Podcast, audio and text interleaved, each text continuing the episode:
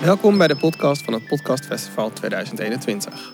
Dit festival vond plaats van 23 tot en met 26 september in Groningen, Amsterdam, Nijmegen en Utrecht. In deze podcast hoor je een selectie van de programmering terug. En in deze aflevering hoor je de finale van de pitchwedstrijd die plaatsvond in de Tolhuistuin in Amsterdam. De pitchwedstrijd werd dit jaar mede mogelijk gemaakt door de productiehuizen Dag en Nacht Media, Topcast Media en Dipsaus en door Zoom van de audio hardware. Iedereen met een goed idee mocht een pitch insturen in de categorieën verhalen en journalistiek, fictie of talkshow. Dat deden meer dan 50 mensen. De productiehuizen kozen ieder drie finalisten uit de inzendingen.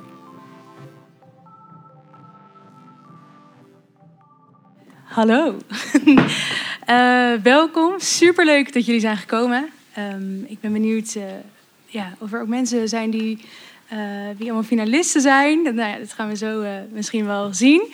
Mijn naam is Mille Marie. Ik ben producent van deze pitchwedstrijd en vandaag ook jullie host. En um, ja, ik zal eerst even kort, kort wat over de pitchwedstrijd vertellen. Want het is de eerste keer dat we dat in deze vorm hebben gedaan. Vorig jaar hadden we nog geen uh, categorieën. Dus uh, dat was ook voor ons nieuw. Vorig jaar kon je gewoon een pitch insturen en dan kon je een jaarbegeleiding van Dag en Nacht Media winnen. En uh, nou ja, dat was het. Maar het podca podcast Landschap Groeit. Hoi, welkom. Podcast Landschap Groeit. En uh, de pitch, pitchwedstrijd willen we daar ook in mee laten groeien. Dus het breidt uit en wij breiden daarin ook uit. Dus dit jaar hadden we drie categorieën. Um, met daar ook aan gekoppeld drie productiehuizen. En uh, dan begin ik met de categorie talkshow. Welkom, EBC Rauw. Medeoprichter van, uh, van Dipsaus. En uh, nou ja, daarna heeft Dipsaus als podcast, productiehuis, eigenlijk ook nog meer podcasts gemaakt. Zoals Voevel en Dadels, de Maya Louise podcast. En tegenwoordig ook Spectrum is vorig jaar uitgekomen. Um, en dit jaar dus verantwoordelijk voor categorie talkshow. Ik zou zeggen, geef er een groot applaus. Hallo allemaal.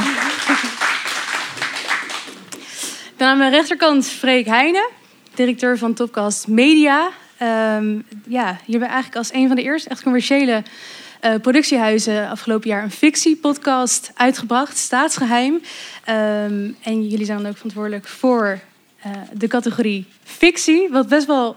Ook vind ik heel cool is, omdat het redelijk nieuw is. Um, en ook nou ja, heel erg upcoming. Dus ik vind het heel tof dat jullie je daar ook aan wagen en daar ook hierin aan meedoen.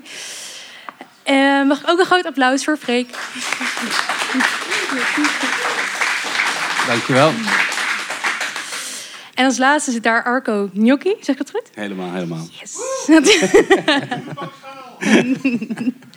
Onder andere host bij de, de podcast. Nou ja, grote fanbase zit erachter, zoals daar. Nee. uh, Arco is hoofdredacteur van Dag en Nacht Media. Dit jaar verantwoordelijk voor, uh, daar zit de redacteur van Dag en Nacht, van, uh, voor verhalen journalistiek. En uh, ook heel tof, jullie hebben eigenlijk al twee jaar de begeleiding op je genomen voor, van de winnaars van de pitchwedstrijd.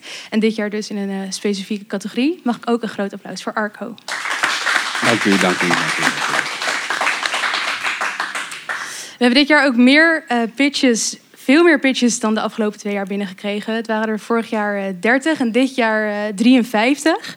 Uh, waarbij het grootste gedeelte toch wel zat in verhalen en journalistiek. Je had bijna meer dan de helft. Hoe was het om de afgelopen week uh, meer dan 30 pitches door te moeten in een paar dagen? Ja, ik zei al net tegen Freek, uh, het is nu zo druk dat ik het minst tijd heb voor de leukste dingen.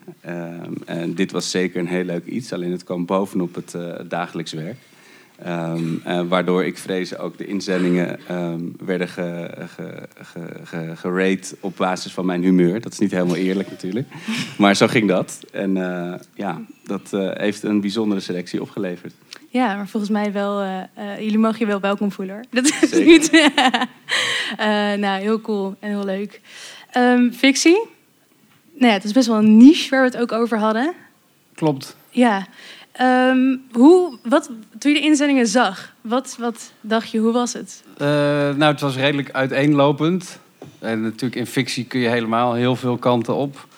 Uh, ik had iets minder inzendingen dan, uh, dan Arco.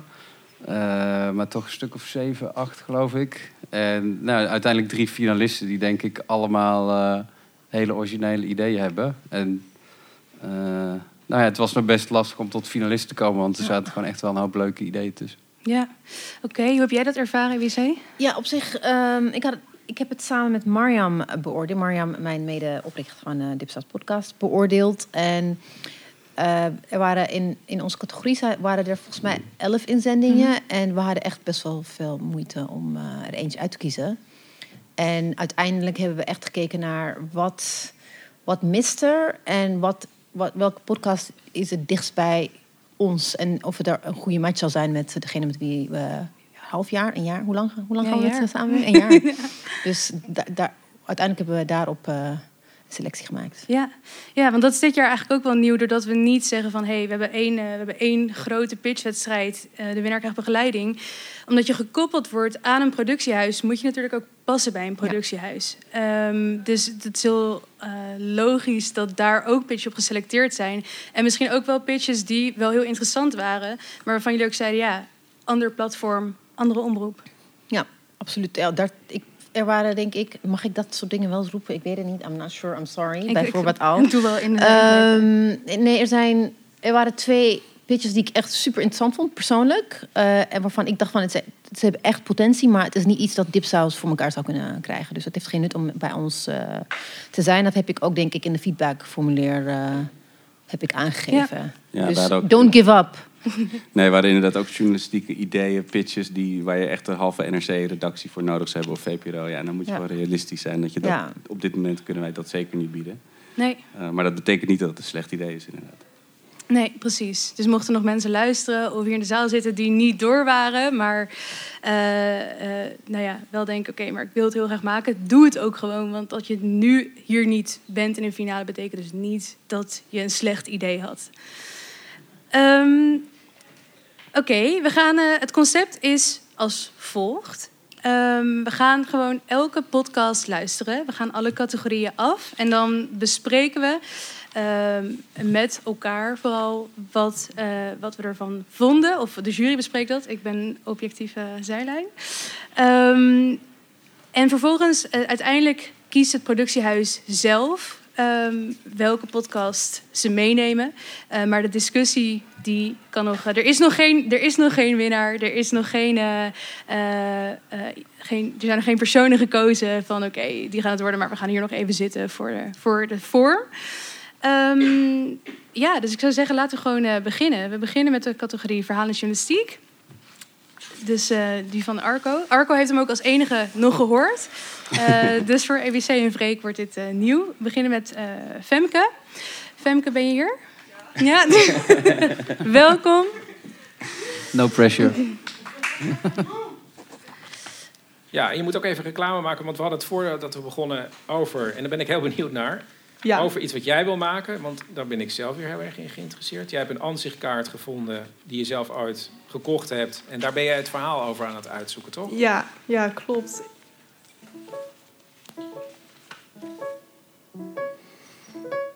Ik besloot een mail met alle gegevens en een hele hoop foto's van mijn kaart te sturen naar.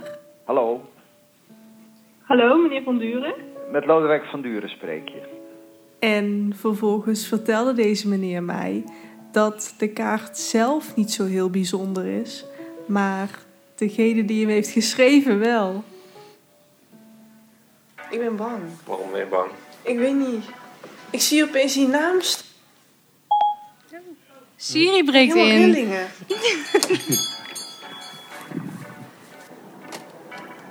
Hallo, meneer Van Duren, hoi. It seems unlikely that it would have been a friend of my mother. I mean, it's it's always possible, but uh, Zo. Maat, het huis is 2 miljoen.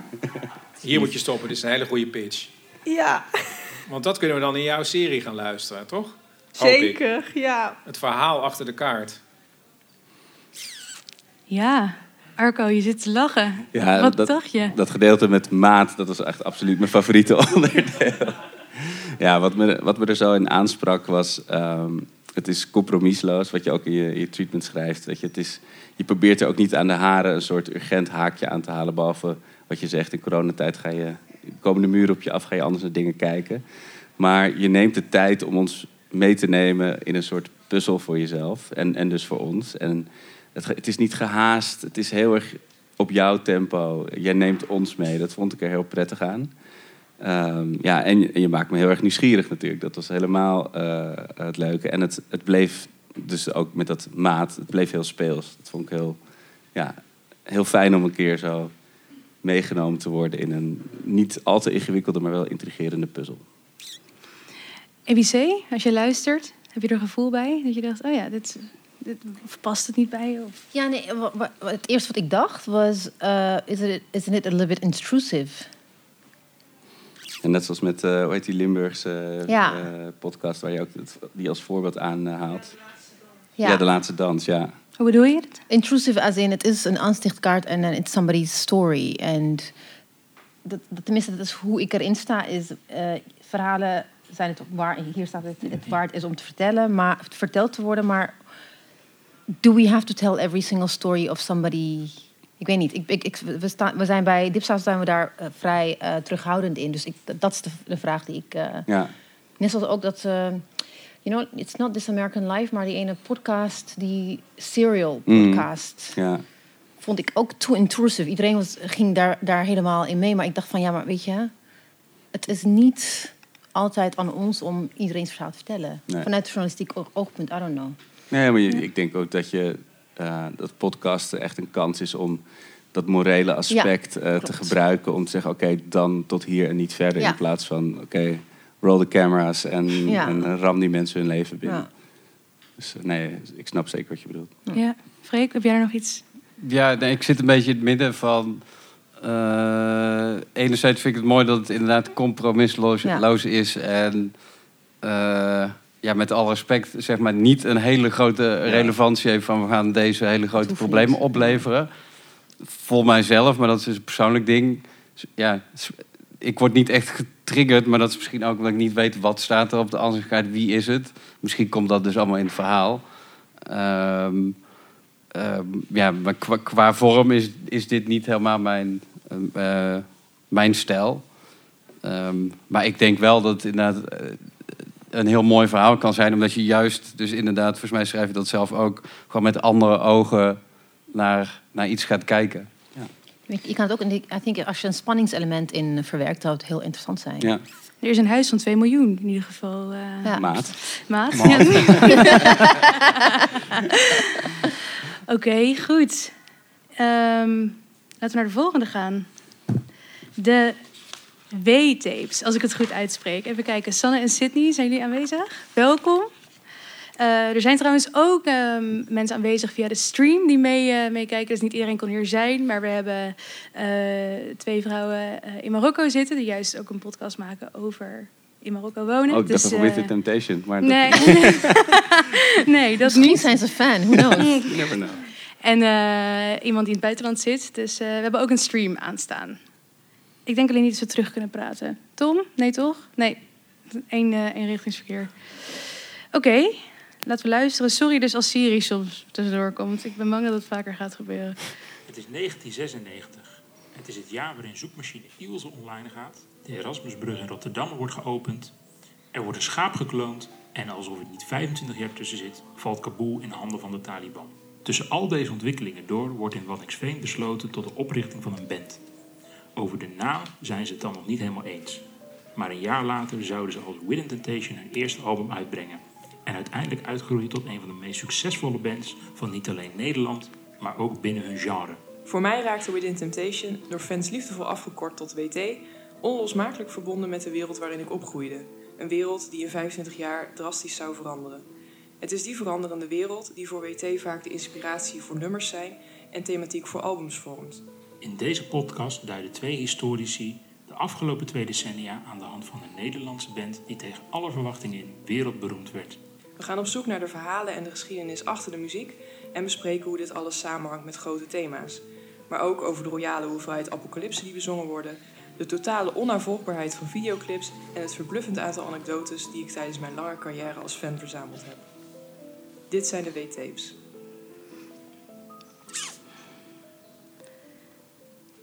Ja, Ja, ik moet dus zeggen dat ik misschien, eh, ik ben 25. Ik heb dit helemaal gemist. Of, of eh, ben ik gewoon te jong? Ik, de- ja, ik heb het ook helemaal gemist en ik ben 41. Oké. Maar ik weet wel van hun bestaan, van, van, van de band. Eh, en dat, ik hou heel erg als ik geïntegreerd word door dingen die ik helemaal niet ken. Ik, eh, ik heb ooit in een bus met reizen eh, 18 uur naast iemand gezeten die een verfwinkel had. En die heeft 18 uur lang over verf gepraat. En ik bleef aan zijn lippen hangen omdat hij zo gepassioneerd Ja. over het onderwerp was. Eh, nou wil ik met dit, deze niet, zeker niet in nabijheid van fans vergelijken met verf. Maar het is wel een, echt een, een wereld waar allemaal lagen in zitten. Want ze zijn natuurlijk wereldwijd heel groot. En ze hebben superveel meegemaakt. En met hun hun super trouwe schare fans. Maar ik vind vooral de, de mix met die 25 jaar eh, Nederlandse en wereldgeschiedenis heel interessant. Want in, in Amerika heb je Dolly Parton's America. Niet of kent iemand die podcast toevallig? Is echt de beste podcast van het jaar, vorig jaar. Ja, nou, en daar deed dit me heel erg aan denken. Dus Dolly Parton is natuurlijk al wat lang, nog langer bezig en is een, is een nationaal icoon. Eh, maar wat zegt zij over, over, over de status van de, de mindset van Amerika? En ik denk dat je hier met jullie, met jullie framework echt een heel mooie combinatie kan maken van ja, hoe de wereld om je heen verandert terwijl je vastklampt aan je, aan je favoriete band. Ik vond Ja. het echt eh, ja, interessant. Komt eh, Within Temptation jullie be- bekend voor? Of, eh, Ja, ik ken? Within Temptation. Ik kan geen enkel liedje voor de geest halen. Maar ik weet wel dat ze inderdaad groot waren. Maar I mean, ik, in die tijd... Je, kijk, ik, ik groeide op in Amsterdam in een heel... When it came to music, it was super segregated. Je had zwart muziek en dat was, weet je, gevaarlijk en alleen maar guns. En je had, dus ik zat in die wereld en ik vond, helemaal, ik vond echt helemaal niks. Maar, zoals je zei, het is echt... Het is ook interessant, want eh Fugees heeft ook een 25-year eh, tour. Oh, ja. Ze, ze, komen, ze komen naar Parijs, je moet get your ticket. Oh. Ja. 4 december. Maar it would be really interesting om inderdaad een goed verhalend journalistiek werk hierover. Ik zou het wel willen Ja. horen. Terwijl juist omdat ik inderdaad, ik heb helemaal niks mee. Ja, je kan ons alles wijsmaken. Dat is ook altijd heel fijn met de Ik podcast. helemaal niet. Ja, maar afhankelijk Ja, van dat hoe zijn je het natuurlijk heel fijn, zoals ik heel veel van Within Temptation Ja. wist. Maar dat is helaas niet zo. Om eerlijk te zijn, ik Nee, ja, ik, eh, ik heb wel wat dingen geluisterd, maar ik behoorde nooit tot die... eh, ja, Nee. In die tijd had je nog echt subcultuur. Hè? Dat was Ja. toen ik nog op de middelbare school zat. En ik behoorde niet tot die eh, groep. Maar ik denk wel, ehm, en daar ben ik ook wel heel benieuwd naar... of tenminste, wat mij betreft zou daarbij vallen of staan... van hoe kun je ook de grote thema's uit een lied trekken. En ik zou dan ook heel erg de muziek daarin betrekken. En vanuit daar eigenlijk de afleveringen insteken. Ehm, dan kom je wel weer bij dus weer een, een legal technisch probleem van... eh, ja, Ja. kun je wel of niet die muziek gebruiken? Want dat is altijd een, eh een crime. Ja, dan moet wel even met de band gepraat worden. Ja, Ja. Dolly Parton's America is helemaal gemaakt inderdaad met Dolly Parton. Ja. eh, ook, ja. Het zou ook wel interessant zijn om echt andere fans ook te spreken. Is dat de Ja. bedoeling? Nou ja, da- daar ging, dat heb ik allemaal geprojecteerd op jullie idee. Dat je, omdat natuurlijk ze buiten Nederland ook zo super groot waren. Ja. Dat, je, dat je dus ook die fans in het buitenland, wiens leven zo veranderd is. En Ja. die hoop of, of, of troost putten uit Ja. de muziek dan, eh, dan daarin meeneemt. Ja. Het is in ieder geval tof dus dat het concept dus jullie heel erg aanspreekt. Ondanks dat Within Temptation jullie niet zo aanspreekt. ja, maar juist. Ik denk als Ja. het, een, als het een, een band was waar ik heel veel van wist... dan was ik er misschien op een hele andere manier kritisch op geweest. Ja, en volgens mij ook omdat het gewoon... Voor zover ik de muziek ken, is het ook best wel grotesk... en gaat over hele grote eh, thema's. En volgens mij ook best wel apocalyptisch. Dus volgens mij past het ook wel Wat, wat redelijk... voor ik heb echt geen idee. Waar, waar gingen ze erover zingen dan? Nou, de, de experts zitten hier, hè? ja, ja, tuurlijk. Ze zijn heel dramatisch. Ja. Alles, alles is groot. Dus als het, Misschien spreekt het me daarom. Het is gewoon een soort En dit is weer opera. een spektakel. ja, het is weer Ja. ontploffingen. Oh my god. Oh ja, klopt, ja. ja, ja, ja, ja. Maar juist omdat het Ja. gebeurt, gebeurt, weet je, als 9-11 gebeurt, Ja. dan zie je opeens dat kantelpunt dat zij ook gaan nadenken Ja. van wat, ja, wat doet dat eigenlijk met de wereld om ons heen. Ja. Maar ze trekken dat zo groot dat het, ja, het is soms ook. Ja, het is gewoon, dit, voor mij voelt het altijd heel erg zoals als een soort opera. wacht Het is gewoon alles heel erg aangezet. En je moet, als je dat vet vindt, dan is het Ja. heel vet. En ik snap ook dat andere mensen er gewoon echt gewoon helemaal niks van Ze snappen. ging dus in een, in een gala-jurk zingen. Is dat, Ja. is dat the one? Oké. Alright, oké. Dan weet ik waar we het over hebben. nu. Alright. Nou, interesting. Nou, spannend. Ja. Ehm, ik ben benieuwd. Laten we de volgende gaan luisteren.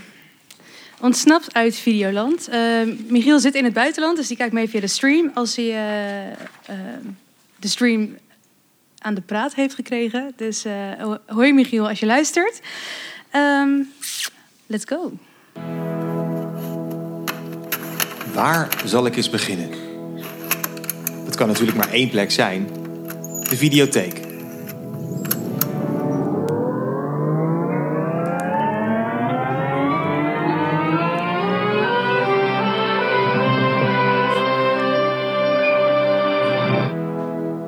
Ben jij zo iemand voor wie de kerstvakantie vroeger maar één ding betekende? Tien weekfilms voor een tientje. Ik was zo'n kind. En in Leiden, waar dit verhaal zich afspeelt, was er één plek waar je dan naartoe ging. Ook jaren later, als student, kwam ik er nog vaak. Mijn vrienden werkten er toen. En het leek alsof het altijd zo zou blijven. Alsof de videotheek voor eeuwig was. Wist ik veel.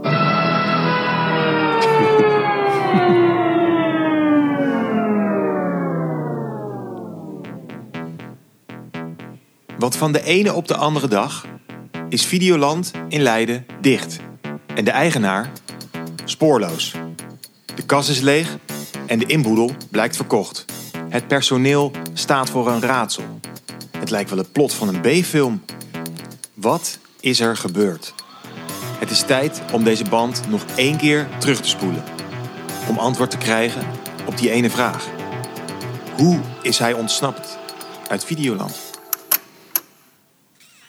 Ja, Ja, ja het is, eh, ik zat door die 33 eh, inzendingen te, te, te, te, te grasduinen, zou ik maar zeggen, te beoordelen. En hier wordt echt een verhaal verteld, of in ieder geval aangekondigd. Eh, Michiel is in die zin wat voor, vooruit op de rest, omdat hij al podcast heeft gemaakt en aan het maken is. Maar ja, ik zat helemaal in een soort Stranger Things sfeer. Ik heb zelf eh, veel met tv-wetenschap gestudeerd. Ik heb ook in de videotheek gewerkt. Dus dat hielp allemaal heel erg, eh, heel subjectief, maar dat hielp heel erg. Ja, en, en, en het is wel wat jij ook zegt. Dat je, hier heb je ook een soort intrusive eh, alert. Maar ik ben wel benieuwd of, of je dit ergens voor meer kan laten staan. Voor hoe snel de maatschappij om ons verandert en het middenkleinbedrijf Maar- verdwijnt. En dit is wel iets meer publiek. Zeg maar, dit is in het nieuws geweest. Ja, En- ja. ja. ja want ehm, wat, ik, wat ik dacht, maar ik ken dus niet... Is, is het in het nieuws geweest met deze man? Weet je dat?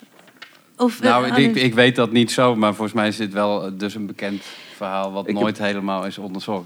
Ja, want ik dacht, misschien voor hetzelfde geld was hij er klaar mee. Woont hij aan de andere Ja, kant van het land. En eh, een heb je geen podcast. Ja, ja, Ja. Ja, maar ook heeft, he- is dat onderzoek al klaar? Want stel dat hij dan op onderzoek uitgaat en er, there's nothing interesting. Ja, dan krijg je een beetje Wat- wind of change scenario. Ja, wat, wat, doe je, Ja, ja. wat doe je dan met je podcast? Ja. Ja. Ja, dat, dat, dat is eh, een beetje all or nothing. Dat vind Ja. ik ook wel leuk aan. Ja. Eh, maar het is inderdaad wat je zegt. Dat ik, het, het zei me wel iets, maar ik ben eerst gaan googlen. Omdat ik dacht, zit je niet in de verkeerde box? Zit- Hoort dit niet in fictie? Want zo klonk het Ah, ook een beetje. ja. Nou, ik, eh, er is een hele goede Amerikaanse podcast. En die zit meer in. Die is sowieso fictie. En die zit ook meer in de horror Oh ja. kant. Maar die heet Video Palace. Oh ja. En die is sowieso de moeite waard om te checken. En dat gaat ook. Nou, dat is ook heel erg met die vibe van. eh, nou, dit is een beetje 80s, 90s vibe met synthesizers. En, eh, eh, maar daar deed het me ook heel erg aan denken. En wat je zegt van dit wordt echt als een verhaal verteld. Ja. En we, ja, we mogen het niet veel op sounddesign, et cetera, beoordelen. Mogen. ja, dat mag niet. Maar ehm, ik denk dat dat in dit geval dus mega goed werkt. En ik vond ook wel van de... Want ik heb de, de, de pitches dus gelezen, maar niet gehoord.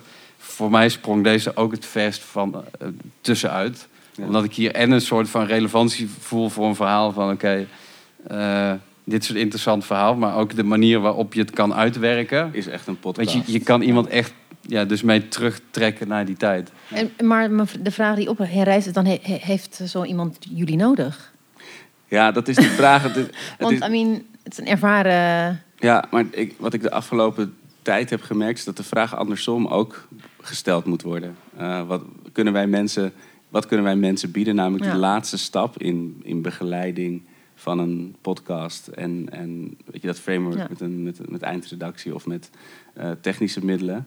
In plaats van echt vanaf nul iets opbouwen. Ja. Dat blijft toch een... eh, Ja. een- een Ja, maar dat, ik denk dat het heeft ook te maken met wie we zijn, denk ik, als podcast. En waar, wat, waar, how to say it, waar onze idealen liggen. Dus we zijn juist heel erg grassroots van als je niks, al heb je niks, kom maar met een idee. Dus daarom stel ik deze soort Ja. vraag. Want zo'n iemand denk ik van, oké, they don't need us. In ieder geval niet dipsaus. Ja, maar het is met, met dit soort verhalen, Ja. die komen er bij de omroep denk ik niet door. Die, Bij Videoland Ja, dat, dat is de, dat is de volgende stap. Nee, maar ik zat te denken dat dit misschien juist in documentary form Oh, ja. would work. That was the first thing I was thinking. Met beeld. Ja. Dat je Nou, ik denk de dat je buurt- dit juist ja. ook dus wel commercieel juist heel vet zou Ja. kunnen wegzetten. Ja. Eh, en in die zin, van dat, dat is ook jullie rol. Ja. Eh, en ja, zo- zo... eh, een aantal, bijvoorbeeld bij onze fictiepodcast Staatsgeheim... waren wij veel meer eigenlijk de makers een beetje kaders aan het geven... maar tegelijkertijd gewoon zo vrij Ja. mogelijk maken. Zij weten wat ze willen, maar nog steeds... eh, en ik heb hiervoor in de muziekindustrie gewerkt... van een muzikant moet vooral zijn ding doen... maar je hebt er heel veel aan als iemand gewoon met ja, frisse en eh, misschien goede oren kan luisteren. Oké, hier ga je nu net even te ver. Of doe dit net Ja. even anders. Of pak net andere muziek tot aan misschien... Ja, jullie kennen ook componisten. Eh, en ik denk dus ook als product af is... eh, ja, dan begin je ook pas weer net, zeg maar. En dat is natuurlijk anders wanneer je via een NPO of wat dan ook Ja. eh, gaat doen. Maar dan, ja, bij de NPO kom je ook niet binnen op basis van een, Nee. eh, Nee. van een pitch. En nou, ik denk dat het voordeel van partijen zoals ons is dat je juist, ja, als jij enthousiast bent over het idee, kun je eigenlijk al zeggen van eh, laten we dit gewoon gaan doen. Ja. Ja. In plaats van eh, zo'n boekwerk eh, met verantwoording te gaan schrijven. Ja. Ja. wees niet bang hoor. Vorig jaar heeft iemand gewonnen met nul podcastervaring. Die is ook een jaar lang begeleid, ook door dag en nacht. Dus het is eh, gewoon niet denken, oh mijn god, ik heb geen podcastervaring, ik ben screwed. Dat is niet waar. Nee, maar ik denk wel dat het ook nu de vrijheid is dat er drie eh, partijen zijn die Zeker. kunnen helpen daarin. Ja, Ja. absoluut. Eh, en, en ja, wat ik zeg, ik wil mensen gewoon niet te veel beloven daarin. Weet je? En dan is het ook fijn als je met iemand werkt, eventueel die, eh, die zelf al op, eh, op pad kan. Ja, Ja, I mean, het, is, het is echt de bedoeling dat je de tools aangeeft Ja. en aanreikt. Dat ze zelf Ja. op een gegeven moment eh, alles oppakken. Ja. ja. Dat is wel... eh, Oké, nou ja, laten we doorgaan dan over Dipsaus gesproken, hoe jullie het zouden aanpakken ook. Naar jullie categorie, de Ja. categorie talkshow. Ehm, nou, je hebt net al een beetje gezegd wat je, hoe je het ervaren hebt. Maar hoe heb je ze... ja, je kreeg ze binnen, je bent gaan luisteren. Wat was je gevoel? Ja, kijk, wat, eh, me- meestal doet Mariam eigenlijk dit. De, omdat ze ook onze producer is en de, de sound technician. En, en een van de belangrijkste criteria voor ons, selectiecriteria, is gewoon inclusiviteit. Het moet inclusief zijn. En eh, op basis daarvan hebben we gewoon vrij snel wel een goede selectie kunnen maken. Dat was de first Ja, Allereerst. En dan ten tweede, dan ga je ook kijken van, eh, is het uniek? Uniek tussen aanhalingstekens. Want natuurlijk mag je, mag, mag, mogen er in principe tien Deep Sounds podcasts zijn. Het kan niet, ik kan niet zeggen, there's only one. Which, welke welke tv-serie was dat? Ja, de Highlander. De Highlander, ja. There can be only one. Weet je, dus eh, we proberen daarin wel echt fair te zijn. Van, het is niet zo dat oh, er zijn andere podcasts, vergelijkbare podcasts, we doen het niet. Dat, dat doen we niet, maar het moet wel... It, ha- it has to have a certain, how do you say it? Ja, Uniek geluid. spark. Oh ja, ja. Ja, want hoe makkelijk is dat? Er is natuurlijk een heel groot deel van het podcastlandschap is eh, talkshow. Omdat Ja. mensen denken dat ze dat makkelijk Ja. op kunnen zetten. Ja. Ehm, waren er onderscheidende ideeën? Ja, absoluut. Ja, vind ik wel. Ja, we zijn wel tot eh, drie, een selectie van drie gekomen. Dus op zich wel. En vooral, eh, mag ik al over die podcast praten? Of is het Laten we eerst gaan luisteren. ik ga er gewoon één aanzetten. Ja. We beginnen met eh, Blind Vertrouwen van Nathalie Winkster en Robert Charou. Volgens mij, ja, welkom. Leuk dat jullie er zijn.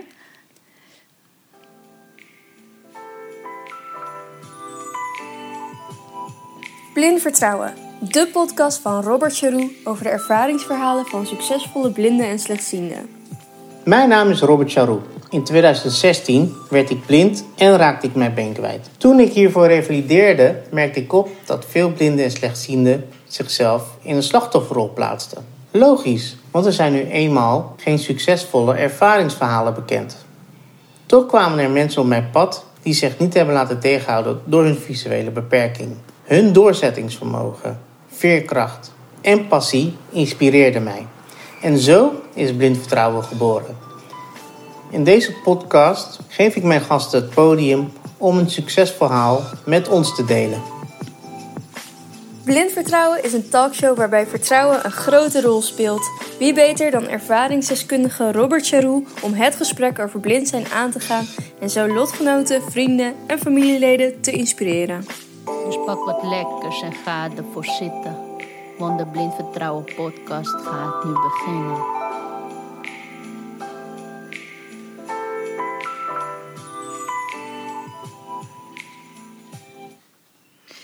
Ja.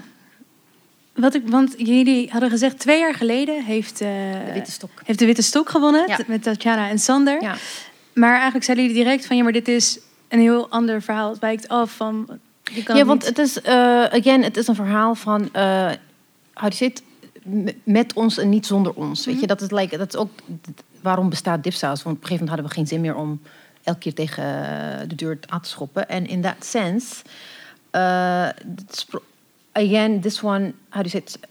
Er waren volgens mij elf inzendingen voor talkshows. En het, het, mijn oog viel meteen hierop. En ook Mariam, omdat we dachten, net zoals met de witte stok, there is only, there, again, there can't be only one. Dat, we willen daar vanaf stappen. En wat ik, wa- wat ik onderscheidend vind hier is dat, het, eh, dat ze ook gewoon elke keer andere gasten, dat ze niet alleen maar met elkaar in gesprek gaan, maar dat ze ook echt gasten podium bieden om over hun verhalen te vertellen. Dus dat ze niet, en dat ze vanuit hun ervaringen eigenlijk eh, lief en leed delen. Dat vind ik wel echt gewoon heel erg interessant.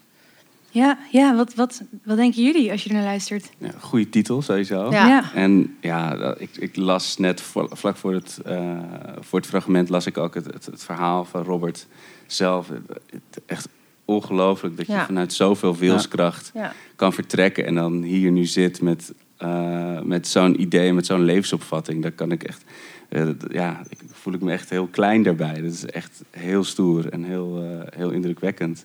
En ik denk dat als je dat ook allemaal meeneemt naar de microfoon en Ja. naar, naar het verhaal. En dan ga je ook andere vragen stellen aan mensen en, en anders luisteren natuurlijk. Eh, ja, heel krachtig. Mooi. En dat je ook gewoon daardoor een, een breder doelgroep kan aanspreken. Het is niet alleen maar een, een niche doelgroep, maar ik denk dat iedereen dit wel interessant zal vinden. Ja. Hoe hebben jullie dat bij, ehm, om de vergelijking te trekken, wat aan de ene kant natuurlijk helemaal niet kan, maar eh, bij de Witte Stok, dat was ook eh, wel het idee dat het voor meer mensen was dan alleen mensen die blind zijn of die zich daarmee identificeren met een beperking bijvoorbeeld. Hoe hebben jullie dat uiteindelijk ervaren? Hoe is dat Ik gelukt? moet heel eerlijk zeggen dat ik werk sinds mei bij Ah, ja, Dag en Nacht. oké. Dus dat is echt voor mijn tijd geweest. Ik heb nog wel contact met ze gehad. Het is alleen al natuurlijk een enorme logistieke onderneming om, Ja. om samen te werken en, en het technisch voor elkaar te krijgen. Eh, en dat is, dat is heel zwaar. En daar moet je in, eh, heel consistent in zijn. En dat is, het is moeilijk om mensen daar in te bieden wat ze nodig hebben. Maar ik, ja. Dus ik weet eerlijk gezegd niet eh, hoe dat vanaf het begin is gegaan en wat ze daar eh, van hebben geleerd en overgehouden. Ja. ja, ik begreep bij jullie, en Nathalie, jij bent radiomaker. En ja, Robert, Ja, dat helpt, jij bent het hoofdpersoon. Dus daarin hebben jullie al een soort samenwerking daarin ook. Ja. Oké, nou goed. Klaar voor de volgende? Yes. Ehm, The Moroccan Dream, ja, van Touria Aziz en Samira Jadir. Zij zitten dus op dit moment ook in Marokko, want zij wonen Hallo. daar. Welkom als jullie er zijn. Ehm, laten we luisteren. Touria, hoe noemen ze je eigenlijk hier in Marokko? Ah, ik krijg veel namen. Onder andere Smegria, Gantje, maar ook uh, Retournee, uh, Wietpet heb ik al eens gehoord, uh, Terugkeerder. Allemaal namen waar ik mij niet in ken. Wat ze meestal gewoon aan mij vragen van, wat doe je hier? Dus Touria, vertel, wat Ja, doe jij dat is hier? de eeuwige vraag. Mensen begrijpen het gewoon niet. Je hoort die vraag waarschijnlijk ook heel vaak. Ja, ja. Dus eh, toen ik eh, tegen mijn moeder zei van ik ga naar Marokko toe en mijn moeder die, dat het gewoon een grap was. Ze dacht van wij zijn gewoon uit Marokko gegaan en jij gaat terug. Ja, wat doe ik hier eigenlijk? Ja, ik had echt behoefte om e- even afstand te nemen van België. Ehm, ik ben maatschappelijk, sociaal-maatschappelijk werker, cultureel werker in Brussel geweest, 28 jaar lang. In eh, moeilijke omstandigheden, met weinig erkenning, met eh, heel veel shit over me heen. En ik had gewoon behoefte om daar even afstand van te nemen.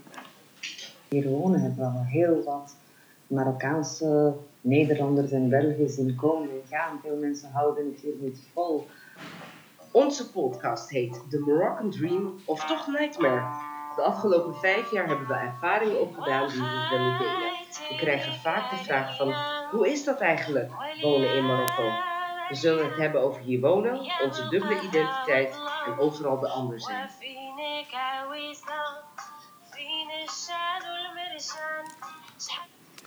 Ja, wat sprak je aan in deze Ja, podcast? het is, het is echt een. eh it is quite interesting omdat het. Het hele beeld van hoe wij hier eh, aan, naar, aan, naar eerste, tweede, derde, derde generatie Marokkaanse Nederlanders kijken. It just turns it around. En dat vind ik echt super interessant. Maar ook, omdat ik ben ook zelf dochter van eh, vluchtelingen. eh, dus first generation als je, als je in Nederland woont, heb je te maken met hoe heel vaak als je hier kritisch over bent, ja, ga terug naar je, je eigen land. Dat ja. hebben ze gedaan. Dus ik ben echt heel erg benieuwd. dat hebben ze gewoon gedaan. En ik ben echt benieuwd hoe, hoe eh, de familie die echt alles moeten hebben opgeven om ze hier een beter bestaan te geven, daar tegenaan kijken. Maar ook de people who are left behind ook deze gewoon, again, er zijn, er zijn also interlopers, hè, die, die, die dan weer terugkomen van en dan ze gaan Marokko verbeteren. Dus Ah, ik- die spanningsveld is gewoon heel erg interessant. Dus ik ben echt heel erg benieuwd eh, hoe dat eh, zich gaat uitpakken. En ik denk dat omdat Mariam ook ehm, zelf uit Marokko komt, ze is hier geboren, maar ze is ook een jaar of vier, vijf terug geweest. Met hetzelfde idee. En dan weer terug naar Nederland. Dus it could be interesting. Ja, dat is ook Ja. wat zij zeiden. Van ja, veel Ja. mensen gaan weer terug met eh, Ja. toch teleurgesteld of zo. Ja, teleur, ja maar ook eh, hier, omdat ze hier teleurgesteld zijn. En als ze daar komen, zijn er ook teleurstellingen. En ik ben echt benieuwd hoe mensen... Ja. En ik, Dat- ik denk dat je vanuit die positie ook heel mooi de Ja, verschillen kan zien. Eh, wat ik zelf wel had bij de pitch, en ook wel een beetje in dit voorbeeld, is, en dat is denk ik bij heel veel talkshows, maar dat wel valt of staat bij ja, in welke vorm ga je het doen. Ehm, en ik heb wel het gevoel, als ik dit lees, van dat, het, dat er nog wat meer focus in kan. Dus voor nu is het van ehm, ja, een rechtstreeks en organisch gesprek tussen, tussen de twee vrouwen. Eh, maar volgens mij gaat het juist over van welke grote thema's kun je eruit pakken en daar de diepte in gaan. Ja. Want hier staat dan, ja, af en toe gaan we muziek draaien, af en toe interviewen iemand anders. Van dat voelt heel, ik snap het zeg maar, maar ik denk Ja.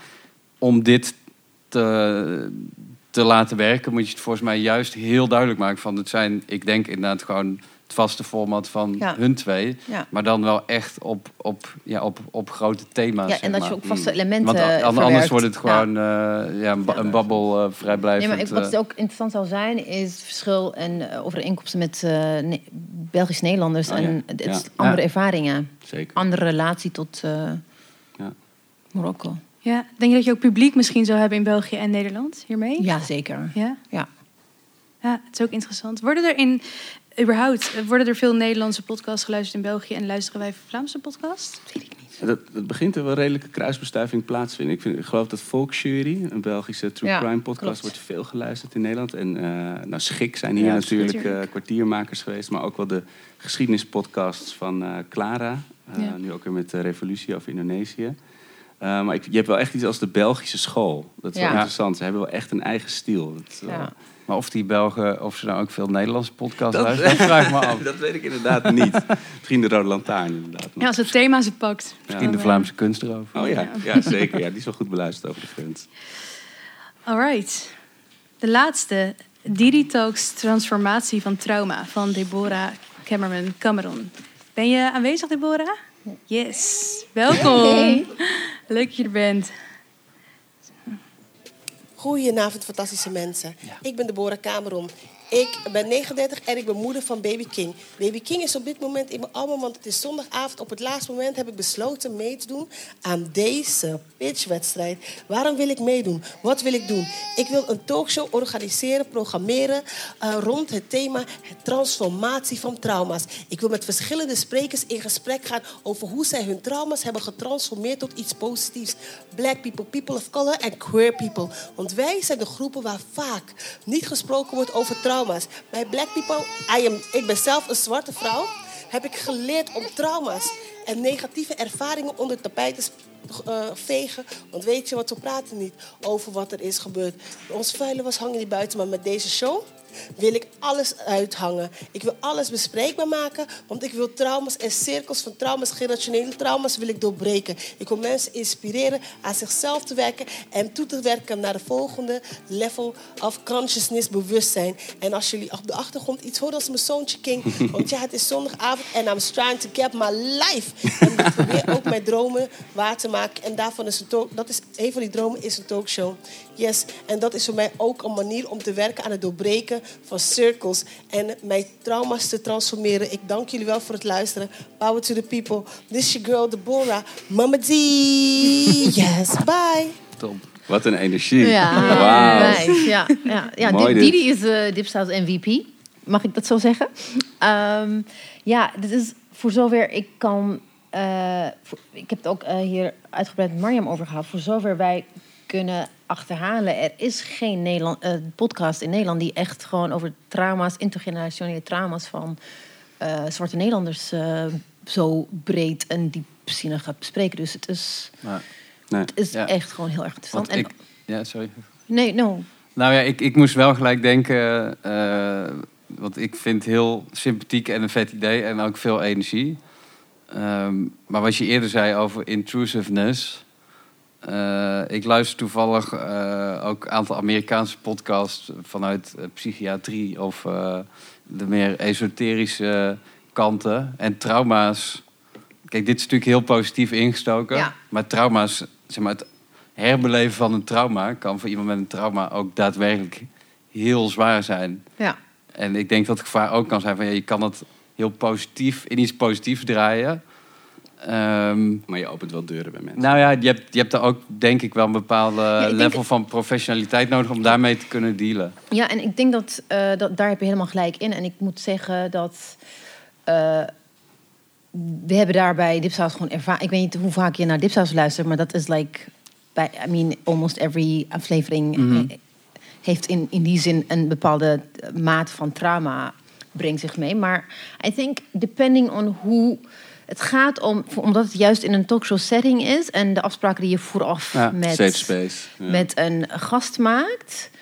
eh, ik denk dat je dan op basis daarvan, if they feel safe enough Ja. om daarover te praten, kan je het uitzenden. Je kan ook gewoon, wat wij in ieder geval doen, is we gaan altijd eh onze uitzending sturen naar de gasten. Van als er iets is waarvan je denkt van, haal het eruit. Haal het, dus it, is, it depends on how you approach it. Ja.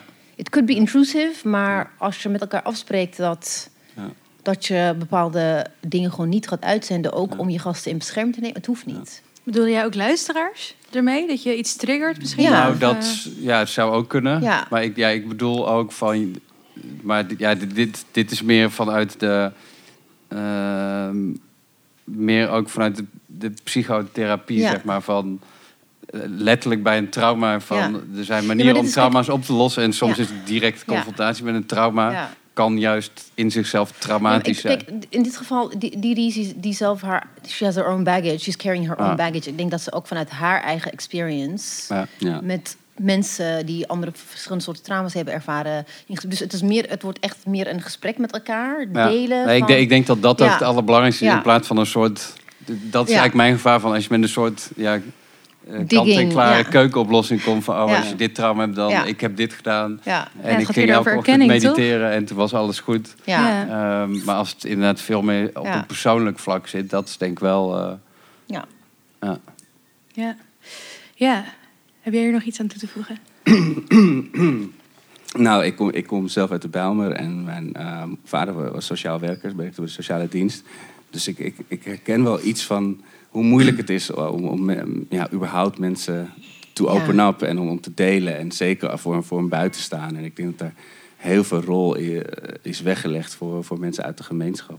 Ja, juist, ik denk dat je eh, als je veilig voelt- binnen je gemeenschap, Ja. dan kan je daarover praten. Maar if ja. somebody else coming Ja. in with a microphone, Ja. People Nee, en ik denk ook juist wat je, wat je vroeg van voor de luisteraar kan dit, dit soort podcast Ja. juist heel erg helpen om. Want dat is vaak bij een trauma, er zit heel veel schaamte op ook. Eh, Ja. dat, dat is ook vaak het mechanisme van een trauma. Van je, hebt, je loopt daar zelf mee rond. eh, en je hebt het eigenlijk nooit gedeeld. Dus denk je dat er iets met je is en weet ik wat. En door te horen van hey, iemand anders loopt tegen dezelfde dingen eh, aan. En Ja. zeker op specifieke ja, culturele eh, thema's, zeg maar. Ja, ik denk, dan is het heel empowering om dat eh, ehm, dus inderdaad te horen. Ja. Ja, we hebben, ik weet niet, de laat, laatste aflevering van de Dipsaus met de Naida Aurangzeb. Daar heeft ze gewoon, ze, ze, heeft, ze zegt ook letterlijk in de podcast, ze, ze heeft gewoon dingen voor het eerst in de Ja. podcast verteld wat ze eigenlijk nog nooit eerder heeft gedaan. En we hebben echt twee, drie keer gevraagd, weet je het zeker? Ja, het is moeilijk. Weet Ik je wel? had hiervoor had ik redactie Alicante bij Radio Ja. 1. En een van onze eh redacteuren, verslaggevers, eh, was van Aramese afkomst. En dat ging ook over transgenerationele trauma's. Maar dat is, ja, het is heel zwaar. Maar dat, wat mensen gewoon generatielang met zich Ja. meedragen, dat is ongekend. En er, is, en er is- ook gewoon heel weinig onderzoek in Nederland over op dat onderwerp. Ja, oké. Goed, dan gaan we nu door naar de laatste categorie. Fiction. Fictie. In a world. Ja. Ja, jullie hadden dus jullie hadden zes, zeven inzendingen misschien. Eh, ja, Ja, dat is, nou ja, waar we het aan het begin over hadden, is best wel een niche. Eh, misschien weten mensen hun weg nog niet helemaal te vinden naar een fictiepodcast. Het, Ja, is nou, het is denk ik met name eh, langs commerciële of onafhankelijke weg is het redelijk niche. Dus er zijn wel een aantal. het zijn er niet heel veel hoor. Het is eigenlijk een aantal makers die wel voor de NPO en dan met name voor VPRO en VPRO Dorst hele vette dingen hebben gemaakt. Dat is het. Eh, ja, en ehm, ja, wat wij merkten eigenlijk toen we met staatsgeheim begonnen, is dat er eigenlijk ook vanuit de makers juist best veel vragen is om van ik heb een vet idee, ik wil dit maken. Ehm, en juist bij fictie is het denk ik ook, nou ja, het is redelijk duur om te maken. Hoeft niet altijd als je het heel creatief aanvliegt. Ehm, maar het is soms ook best lastig om te onderbouwen van waarom is het nu relevant. En ehm, in het geval van Staatsgeheim, dat is toen gemaakt door theatermakers op het moment dat eh, ja, tijdens de corona-uitbraak en dat de theaters letterlijk dichtgingen. En we hebben gewoon tijdens één meeting besloten van oké, maar dit is een heel vet idee. En dat was eigenlijk alleen nog maar een begin van een script. En zij hadden zelf nog nooit een podcast gemaakt, maar. Ze hadden wel een cast bij elkaar verzameld. En ze hadden er gewoon heel goed over nagedacht. En dat is volgens mij de charme van als je het niet via ja, een publieke weg of subsidie doet. Van, je hoeft niet eerst dus een heel boekwerk te maken met een motivatie waarom. Het is veel meer. En ja, dat zeg maar ook dus mijn muziekachtergrond van als je het hoort of als je het ziet en je denkt van oké, dit is vet, dan gaan we het doen. Eh, en ja, op basis daarvan heb ik dus ook deze inzendingen beoordeeld. En wat je zelf in het begin ook al zei, van ja, het is totaal geen objectieve beoordeling. Maar het is veel meer, ja, uiteindelijk zouden wij het ook moeten uitbrengen. Van ja, ook iets wat ik dan zelf gewoon vet vind. Eh, dus Ja, het, het, ja, de dingen die ik heb uitgekozen zitten ook wel zeg maar, in die hoek. Ja, oké. Laten we gaan luisteren. Wil je wat zeggen, Arco? Nee, Nee? ik zei let's roll. Oké.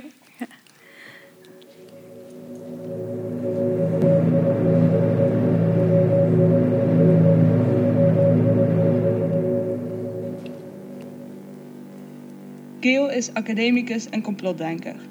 Zo offert slaap, kappersafspraken en familieverjaardagen in haar obsessie met een vaak beschreven maar nooit gevonden plant. Haar collega cryptobotanicus, Emma, deelt deze obsessie. Ze heeft besloten dat haar huis een laboratorium is. Dit tot grote ergernis van haar huisgenoten. Zij hebben er genoeg van om plotseling kluit de aarde in de douche of gootsteen aan te treffen. Wij zijn niet Gil of Emma. Wij zijn Anne en Maaike. Anne is een masterstudent cultuurwetenschappen en ik doe de Research Master Sociale en Politieke Filosofie. We zijn al meer dan tien jaar bevriend en we delen een interesse in de manier waarop verhalen de samenleving waarin ze worden gemaakt weerspiegelen en beïnvloeden. Wat we in onze podcast onderzoeken, zijn niet de actuele problemen waarmee we op onze telefoons dagelijks worden geconfronteerd, maar de vaak tegenstrijdige en moeilijk definieerbare gevoelens die deze oproepen. De podcast gaat over twee wereldvreemde onderzoekers, een verdwenen professor en een onmogelijke plant, maar ook over vervreemding, over een wereld die ongrijpbaar is en over de wankele relatie tussen planten en mensen.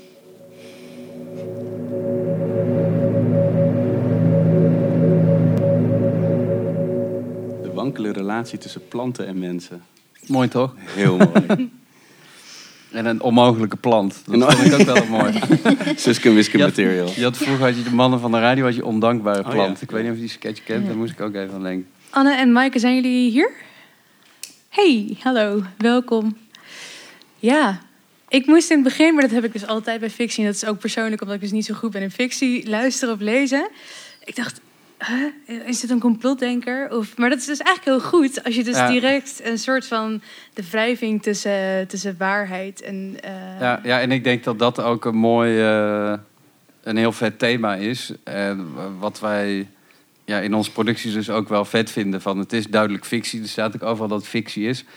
Ehm, maar ik heb letterlijk verhalen teruggehoord, bijvoorbeeld van staatsgeheim, van mensen die boos waren, dat ze achterkwamen dat het niet echt was. Bij de Blankenberg-tapes waren mensen ook woedend. Ja. Ja. en dat is natuurlijk op zichzelf iets heel grappigs. En op een metaniveau is dat ook precies waar dit over gaat. Dus van wat is realiteit en wat, eh, ja, wat kun je wel of niet geloven. Ehm, en ik, ja, ik vond bij deze podcast, en dat is denk ik ook bij fictie, van je moet eigenlijk in je mind's eye al gaan inbeelden van hoe kan dit worden. En dat, dat valt of staat denk ik bij het idee. Eh, en dat is ja, ook in de pitch best wel concreet al uitgewerkt. Want, en daar hebben we natuurlijk ook wel op geselecteerd van... Ja, fictie kun je echt zo duur maken als dat je wil. Van, eh, eh, ja, dat kan een ton kosten bij wijze van als je eh, een volledige productie... maken. Ja. Ehm, en in dit geval zou je veel meer ja, op een soort budget manier dit moeten aanvliegen. Maar wel op een manier die dus... eh, waarbij het verhaal overeind blijft staan. En ja... Ik heb twee vragen. Vanuit, gewoon purely from as an editor. Welke, onder welke genre zou het moeten vallen? Fiction, Dit, dan... dit, dit zou wel fictie zijn, maar Nee, volgens mij ook... fictie, I mean thriller, science fiction, Ja, ik denk science horror. fiction, horror, Ja, oké, interesting. eh, fantasy. eh, en dat is ook voor een podcastgenre heel... eh, Ja. Dat werkt als een trein. Dus bijvoorbeeld die videopalace die ik eerder Ja. noemde... dat zit precies daar. Ja. En ook nou, best veel true crime dingen. Van Ja. Sommige zijn dan echt true crime... maar sommige zijn meer paranormaal mystery. Dat werkt gewoon als een trein. Ja. Ehm, en in Ook dit... in- ook in Nederland trouwens? Eh, ja, Ja. nou het best. eh, je hebt bijvoorbeeld Duister, de podcast. eh, ehm, wat echt ja, ook op het snijvlak zit van Ja. enerzijds true crime, maar dus ook wel echt Ja. ja. eigenlijk gaat speculeren over mysterieuze dingen. Ehm, en ja, in dit geval vond ik het idee gewoon best wel vet en ook wel relevant voor deze tijd. Omdat het ook heel erg gaat over ehm, nou, ook hoe mensen naar de realiteit kijken. Ja. Dus dat we leven in een hele vage post-waarheid eh. Eh, waarbij ook, eh, ja, volgens mij stond dat ook in de pitch. Ja. Ehm, dat het realiteitsbesef van mensen ook helemaal is vervaagd. En ook tijdens corona, als je alleen nog maar achter een beeldscherm zit en niet meer echte mensen ziet, om het zo maar te zeggen. En ook de manier waarop je nieuws tot je neemt. Van je ziet eigenlijk die, die nieuwsevenementen helemaal niet gebeuren. Maar je ziet het voorbij komen op je Twitter. In de helft van de gevallen is het anders gebeurd dan dat daar staat. Dus dat is wel een vibe waar je denk ik heel erg iets mee kan. Ehm, en ik had dan in dit specifieke geval zou ik wel, ehm, maar ik weet niet of dat het idee was. Ehm, fictie valt of staat ook echt bij hoe het wordt overgebracht. Sfeer. En ja, en ja, ik heb dus niet te veel beoordeeld op sound design, et cetera. Van dat, dat komt eigenlijk later. Maar ik zou in dit geval, eh, want volgens mij is hun achtergrond ook dat ze schrijvers zijn. Maar zou ik daar gewoon echt professionele. Ik zie ze knikken inderdaad. Ja, zou ik er echt professionele stemacteurs op zetten? Want Ja. ja, dat. En zelfs dan is het heel moeilijk. Hè? Ja. Dan is fictie van. Ja, omdat je zo goed luistert eigenlijk. komt, suspense of Maar- maar- maar ook Het- je moet het met- bijna ja. nog beter doen dan Maar op ook met, beeld. met geluidseffecten lijkt mij... Ja, nou, die geluidseffecten spannender. kunnen je ook juist helpen. daar Ja, lijkt- Ja, ja. Nee, maar je kan denk ik wel dat... Ja, ook van, voor mij heeft het ook een beetje een soort psychedelisch laagje van de realiteit. die Ja. je moet mensen in een bepaalde mindset. Ja, en, maar Ja. dat kun je heel goed in, in een fictie Ja. Vorm doen. Dus ja, ik was hier wel heel... eh, ben hier enthousiast over, over zeg maar, het idee. Maar ik zou de uitvoering... zou ik dan eh, in ieder geval met acteurs doen. En dus echt met een goede componist en sound Ja. design. En, eh, Ja. ja. Oké, spannend. Nou, de volgende waar we naartoe gaan, dat is weer. ehm, oh, dit zijn even kijken hoor. Ik moet zo meteen even improviseren. Maar dat kan ik wel hoor. ben ik... Laten we eerst dan deze gaan doen. Niet geschikt voor kinderen van de wijken van Koolwijk, Wijkbeder. Hey, welkom. Ehm, ja.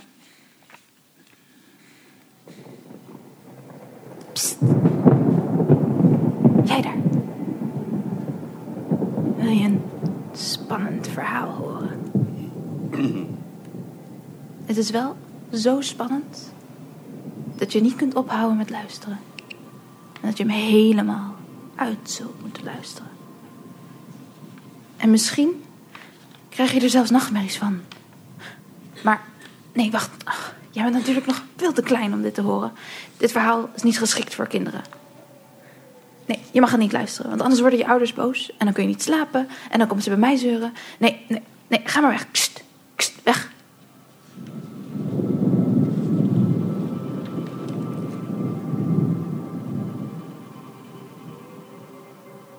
Sta je daar nog steeds?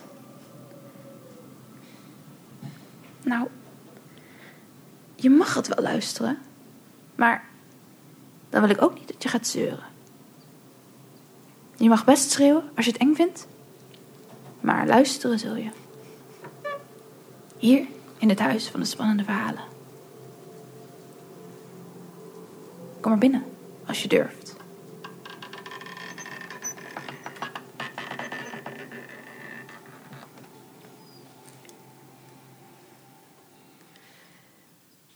Ja, waar ik als eerst best wel benieuwd naar ben, Arco, ik weet dat jij sowieso eh, kinderen hebt. Heb jij Ja. kinderen? in Ik heb ook kinderen, ja, dus ja. het is eigenlijk- Zouden jullie hier je kind naar laten luisteren? Super Nee, eng. ik niet. Het ligt aan het moment van de dag. Ik denk dat mijn, mijn dochter is iets te jong nog sowieso ervoor. Maar ik denk vlak voor het slapen niet. Maar in, de- in de auto of eh, op een ander moment van de dag zeker. En, eh, en ook echt, wat dat, dat is wat ik ook meteen over. Het is een goede stem er ook ervoor. Ja. Dat, eh, dat is echt... eh, Dus dat je wil zelf iedereen. inspreken. Het zou je Nou ja, dat, zou, ik- dat, dat geloof ik meteen hierbij. Ik, ik ga niet voor Freek praten, maar het is wel meteen... eh, en dan merk je ook dat iemand met, denk, met kinderen werkt. Want eh, je moet zo de juiste toon hebben als je dat tegen kinderen eh, of met Ja, kinderen dat praat. gewoon, ja. ja. En dit is wel die toon. Ja. Ja, en ik, ik denk breder, van, ik ben heel enthousiast over het concept ook. Ehm, Ik ben aan het improviseren ondertussen, maar je moet gewoon doorpraten. Ik blijf gewoon praten. Nee, je hebt in, in Amerika heb je een eh horrorpodcast eh, en dat is dan voor volwassenen. Maar dat is ook heel, dat is de No Sleep eh, podcast. Ja. En dat gaat ook heel erg vanuit het idee van dat schrijvers verhalen kunnen aanleveren. Dus gewoon korte verhalen. Die eigenlijk door, het, ja, door de maker of door, de, door het productiehuis, eh, ik wil zeggen verfilmd, maar verpodcast worden in een goed verhaal. En dan vaak met dezelfde vaste stemacteurs. Ehm, en dat, eh, dat blijkt nu niet helemaal uit deze audiofragment, maar dat staat ook in de pitch van dat dat ook juist de bedoeling zou zijn dat ehm, eh, studenten op de schrijfopleiding dat die ook hier korte verhalen voor zouden mogen aanleveren. En ik denk breder van, ik denk wat ik- net ook zei van dat horror mystery genre, dat werkt gewoon knijtergoed in audio. Ja. Eh, ja, en wij zouden ook gewoon heel graag shows voor kinderen willen maken. Ehm, dus ja, ik, ik ben heel enthousiast hierover. En ehm, ja, wat hier ook nog geschreven staat in de pitch is dat je. Goede sound effect. Ehm, eh, wat wilde ik zeggen? Ja, dat. Dat het dus verschillende korte afleveringen moeten worden met eigenlijk dus een vast team dat die verhalen kan uitwerken. En het, het vette daarvan is ook dat je hele verschillende uiteenlopende verhalen kan, eh, kan maken. En eh, nou, de, de maker van deze pitch zegt ook heel duidelijk van dat je de. eh, en ik heb zelf geen kinderen en ik, ik kijk geen kinderseries meer. Eh, maar vroeger had je wel echt dingen waar je gewoon echt fucking bang voor was. Are You Dus- Afraid of the Dark bijvoorbeeld? ja, Dat is ook en eh Carbonkel eh, van Ik Make Gloria. Eh, maar ze heeft het ook bijvoorbeeld over de Griezelbus. En ik kom uit Brabant en dat was dan allemaal rond Rosmalen en Autotron. Van, dat was echt, dat was heel eng, maar dat was juist... Vreet je van je leven Ja, maar je voelt je ook wel volwassen, zeg maar, omdat je gewoon naar zoiets engs luistert. En ik, ik geloof heel erg in dat je daar, ja, dat je dat heel vet zou kunnen maken. En dat het voor kinderen dus ook gewoon echt wel heel leuk zou zijn. Ja. Mijn moeder die sprak de beer in van de Teletubbies, de enge beer. En die krijgt nog steeds allemaal memes doorgestuurd van 20 jaar geleden. Dat zij trauma's heeft bezorgd. Dus ik denk Ja. inderdaad, als je dat goed doet. Nee, maar je blijft wel hangen. Mijn Ja. moeder sprak de beer van de Teletubbies. En is niet de zin die ik vanavond had verwacht. nee, dus dat. eh, nee, dus ik ben heel enthousiast over. Ja, sowieso deze pitch. Dus ook wat Ja. jij zei van hoe het is ingesproken. En ja, we zouden dan moeten kijken naar van ga je dat inderdaad met een acteur doen? Ja. Of, Maar de lol eh, spat in ieder geval van af. Ja. En dat is ja, je dat, dat is het belangrijkste. En ik denk ook van je hebt juist heel veel vrijheid. Van je zit niet aan één verhaal vast. Je kan allemaal korte verhalen. En de een zal beter werken dan de Ja. ander. En Ja, en ondertussen bied je een platform wat heel schaars is in Nederland is voor, voor eh scenario scriptschrijvers. Wat, ja, waar heel weinig eh, Ja. outlets voor zijn. Ja.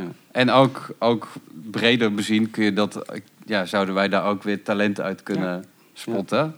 Ehm, enige van, wij kijken dan ook altijd wel van, ja, is het voor een breed publiek? En dat, dat is dit denk ik sowieso. Ehm, het lastige bij, bij kinderen is natuurlijk van, het dominante verdienmodel is vaak nog advertenties. Hmm. Eh, ja, en dat, dan kom je natuurlijk wel op een slippery slope van, ga je daar wel of niet advertenties Heb je ook in je bed geplast van dit verhaal? Ja. Ik koop dan nu. Ja, want ik, ik denk wel dat, het, eh, dat jullie heel goed ook moeten kijken naar hoe, hoe jullie eh, doelgroep bereiken. Want je, je bereikt de doelgroep via de ouders. En eh podcastluisteraars zijn over het algemeen toch hoogopgeleid. Certain, certain seg- segment of society. En die zijn vaak als ouder, dat zijn wij waarschijnlijk, gewoon heel erg eh helicopter parents. En je moet eerst, denk ik, de ouders overtuigen Ja. dat je je kinderen geen trauma's gaat bezorgen. Voordat je dan. De, want de kinderen komen er hier zelf niet op. Ze gaan niet.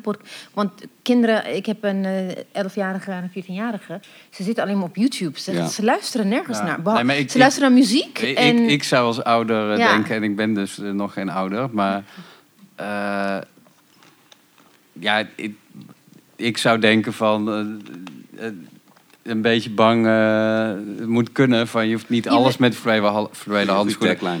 Een beetje van moet kunnen.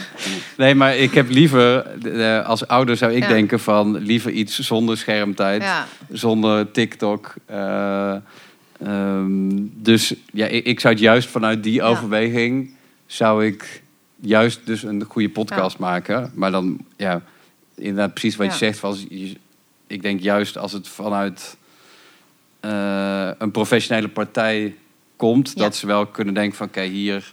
Of dat ze het ook op dit- scholen, gewoon op ja, de dat, dat er niet basisscholen. opeens één aflevering Ja. tussen zit die gewoon precies, helemaal ja. psycho is. Ja. Oké, nou laten we. Ik had. ehm er stond een verkeerd fragment in. Dus eh, vandaar dat was ik net even aan het fixen. Maar dat is gefixt, dus we kunnen hem luisteren. Eh, sorry voor de disruption. Ehm, de Poescast van Marloes Lazal. Waar zit je? Volgens daar. Welkom. Leuk dat je er bent. Laten we luisteren. Hoe is het eigenlijk met de poes van? Met deze week Poef, de kat van Remco Kampert. Madonna, Philonius, Napoleon, Justine, Cleopatra, Vincent, T.S. Eliot, Lolita, Socrates, Zelda, Beethoven. Ik heet Poef. Jawel, u hoort het goed, Poef. Een naam als een spraakgebrek. Je hebt net geluisterd naar een eerste sfeerimpressie van de Poescast. Maar wat vinden anderen eigenlijk van dit idee? Als eerste hoor je Jair Stijn, NTR Radio. Ik denk dat het een heel slim en goed idee is. Er, is een, er zijn zoveel poezenliefhebbers en poezenfanaten... dat ik denk dat je sowieso publiek hebt. Podcast is denk ik heel erg geschikt ervoor. Dan was daar Jan van de Groene Amsterdammer. Ik vind wel meteen dat je op zondagochtend op de radio moet eigenlijk hiermee. Dat, eh, dat- Zondagochtend, denk Ja, jij? Ja, Ja. natuurlijk. Dat, Ja, misschien eens... Oh ja, vroeger. poeskast. En, da- en, dan, en dan het wereldnieuws of zo. Maar, dat, maar ik weet niet, radio, radio over poezen is... eh, ik, mijn kat en mijn vriendin, wij zouden namelijk direct iedere week luisteren. En de eindredacteur van NPO Radiodrama. Maar je moet er een genre van maken. Poeskast, een goede naam. En tot slot VPRO-radiomaker Anton de Goede. Een supergoed idee. Het is in al zijn eenvoud, ik heb het niet eens gelezen. maar je hebt duizenden, miljoenen poezenfilmpjes. Maar op de radio is het, is het stil. En dit was de allereerste Poescast. Gemaakt door het kattenvrouwtje van de radio, Marloes Lesal. Ja, applaus. wat, eh, wat me opviel in deze podcast, er is natuurlijk best wel wat. eh, ja, het is een stuk pitch natuurlijk wat je gaat horen. Het is ook een stuk soort name droppings. Want deze mensen hebben iets over mijn podcast gezegd. Ik ben heel benieuwd wat dat met jou deed. Of je dacht van. Eh, oh ja, nou, dat is een, of- een be- bekend psychologisch mechanisme wat over het algemeen goed werkt. Ja. Maar ik heb daar niet naar geluisterd. Ja, ik, ik vond dit misschien wel de meest creatieve inzending. Eh, ik vind, zeg maar, het, het wordt omschreven als een eh, podcast met een literair absurdistische insteek. Eh, en ik vind met name dat absurdistische element wel heel, heel leuk. Ik en ik meteen vind denken aan die, die serie, voor, volgens mij voor Zeppelin, van Arjen Ederveen met Jordine Verbaan. Dat men die, al die katten inspreken. Dan kijkt mijn dochter ook af en toe en dan raak ik helemaal gebiologeerd. Zit ik ook mee te kijken. Ah, nee, dus ik vond hem eh, eh, ook gewoon compromisloos. En ja, wel heel origineel. Mijn, eh, waar ik zeg maar even vanuit de commerciële bril op afhaak, is denk ik dat het te niche is. En er zijn inderdaad heel veel poezenliefhebbers. Maar we targeten dan ook nog specifiek op de literaire eh, hoek. En dat zou voor mij net iets, iets te niche zijn. Terwijl ik het product zelf wel vet vind. Maar voor, mijn gevoel zou het heel erg bij een NPO eh, passen. En ik heb, eh, nou, volgens mij is Marloes een ervaren radiomaker. En nou, ze noemt ook al een team op met wie ze het zou willen doen. Nou, dat zijn ook gewoon grote namen. Dus ik denk dat het product uiteindelijk echt top zou zijn. Ik twijfel alleen aan of er echt ook heel veel mensen mee zou eh, bereiken. Dus daar zou dan mijn twijfel in zitten. Maar Ja. creatief inhoudelijk vind ik het een heel leuk, eh, heel leuk idee. EBC, volgens mij staat op de website van Dipsau, zit jij van po- poezenhout? Ja, ik hou van poezen, maar ik, ik, ik zou niet naar een podcast... Ik kijk wel heel veel kattenfilmpjes. En ik ben geabonneerd op, ik denk, vijf of zes Twitter- en Instagram-accounts met poezen. Maar ik- daarom, dus ik... perso- me personally, ik, ik, weet, ik weet niet of ik de doelgroep ben. Hmm. Dus dat, daar, zit, daar twijfel ik ook aan. Voor de rest, inderdaad, creatief inhoudelijk is het eh, definitely unique. Ja, en poezenfilmpjes bold. werken natuurlijk wel, omdat Ja. je gewoon... Nee, maar kijk, het, het, is... Even if there's no, how do you say it, voice, of, eh, geluid...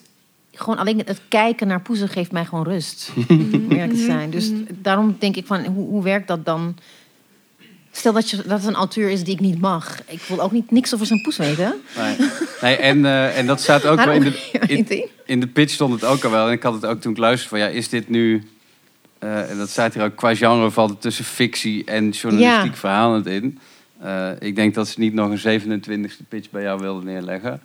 Ehm, maar daar, Ja, daar zit ik ook nog van, van ja, is het nu fictie of is het inderdaad meer... Ja, Kan je het niet, kan je fictionalizen? Dat, dat je gewoon bijvoorbeeld het verhaal vertelt vanuit ja. perspectief van Ja, de nou ja, het is, of. het is allicht inderdaad fictie. Ja. want Katten praten over Ja. het algemeen niet. Maar Ja. nee, echt niet. nee. nee, want wat vond jij er eh, van Arco? Nou, ik had nog misschien wat meer willen horen van wat, wat ik dan ga horen. Want ik vond dat Ja. kort stukje... Was het Remco Kampert zelf? Dat weet ik niet. Ja, precies. Dat, dat vond ik wel heel mooi. Want je kan er waarschijnlijk door deze vertelvorm te gebruiken... hele, ja, echt elk onderwerp aansnijden dat je wil. En, en, dus, en absurdistisch gaan, maar ook gewoon eh samenleving commentaar kunnen leveren. Maar ik weet niet of dat nou de intentie was. En dat vind ik wel jammer. Want Ja. ik had wel meer willen horen over wat je ermee... wa- waarvoor je dit gereedschap wil gebruiken. Ehm, welke Franse president was dat ook alweer? Het- Er is toch een boek geschreven door zijn hond. Oh ja. Weet je, that is interesting. Dat je echt van het perspectief Ja. van the, the cats of all these people... Heeft dat zou Poetin ook niet gewoon- zoiets gedaan? Dat je het echt gewoon fiction, je fictionalize it, maar dan Ja. van het like the, the cats are the ones telling the story. Dat Mhm. zou echt heel interessant zijn. Dat, daar ga ik denk ik zeker wel luisteren. Oké. Er valt dus veel in te halen als, het, eh, Dat wel, ja zeker. Ja. als er een Ja. duidelijke structuur in zit misschien. Alright. Nou ja, dit waren de. Mag een groot applaus voor de laatste finalisten?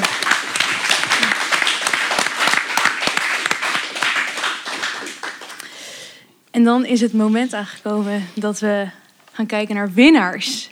Ehm, laten we de volgorde aanhouden die we Ja. ook voor deze avond hebben. Arco, kom je er een beetje uit?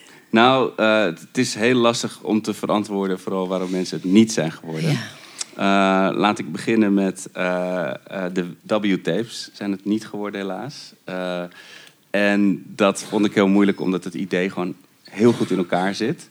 Ehm, ik moet daar dus bij zeggen waarom die keuze niet op jullie geval is. Omdat je, ik heb ook goed contact met mensen bij eh, Radio 2, Radio 5. En ik, daar zou ik jullie ook graag mee in contact brengen. En ik denk dat zij het ook heel goed met jullie zouden kunnen maken. Ze zijn heel erg op zoek naar creatieve, muziekgerelateerde, actualiteitsgerelateerde verhalen. Eh, zou dat bij ons kunnen gemaakt worden? Ja, maar dus ook bij de omroep. Ehm, dus eh, jullie zijn niet hier geworden, maar ik help jullie wel graag verder. Waar mogelijk. Blijven over natuurlijk Femke Veltenaar en Michiel van Poelgeest. Ehm, dan ben ik toch voor Michiel gegaan, ook al is hij er niet. Ehm, en ja, ik denk toch vooral omdat er net wat meer, zoals ik het nu heb gehoord, meer uit dat verhaal te halen is. Eh, ik vind het ook erg bij dag en nacht eh, passen. De, manier van licht, maar toch informatief en eh, spannend, maar toch ook wel relaxed. Ehm, ja, dus, er zit ergens nog, nog misschien wat meer urgentie in dan dit verhaal. Maar ik vond het echt heel erg lekker om naar te luisteren, Femke. Dus laat je alsjeblieft niet ontmoedigen daarin. Maar eh, ja, en het is natuurlijk super jammer dat de winnaar er niet is. Fysiek. Ja, groot applaus voor Michiel via de stream. dan. Hopelijk is hij online. Ja. Ja. Weet jij of hij terugkomt? Ik weet helemaal niet van niks. Ik, Oké. wist niet eens dat hij in het buitenland Oké, zit. nou goed. Er komt in ieder geval een Zoom P4-apparaat zijn kant op. En eh, we gaan jullie koppelen. Ehm, Oké, spannend. Ik vind het een heel cool idee dat er gewoon komend jaar een podcast gemaakt gaat worden. Eh, ik ben heel benieuwd wat dat, wat dat gaat worden. Ehm ABC. Ja, ik, vind, ik vind dit heel erg moeilijk. Ga ik eh, alvast al zeggen. Dit, dit is meer Mariam's ding. En ook het feit ik geloof niet in prijzen en lijstjes en zo. Dat is niet mijn pers. But we had to choose. En wat we gedaan hebben, eh, waar we... Again, we hebben ook weer gekeken naar... Is het een match met Dipsaus? Maar ook eh our ideals van... We willen gewoon mensen die moeilijk toegang hebben tot eh, media... wilden we gewoon echt kans bieden. En echt alleen op, vooral op basis daarvan. Want als je naar de puntentelling kijkt... ze hadden alle drie gewoon evenveel punten. Dus ze voldeden wel al, al onze wensen. Niet per se eisen, maar onze wensen.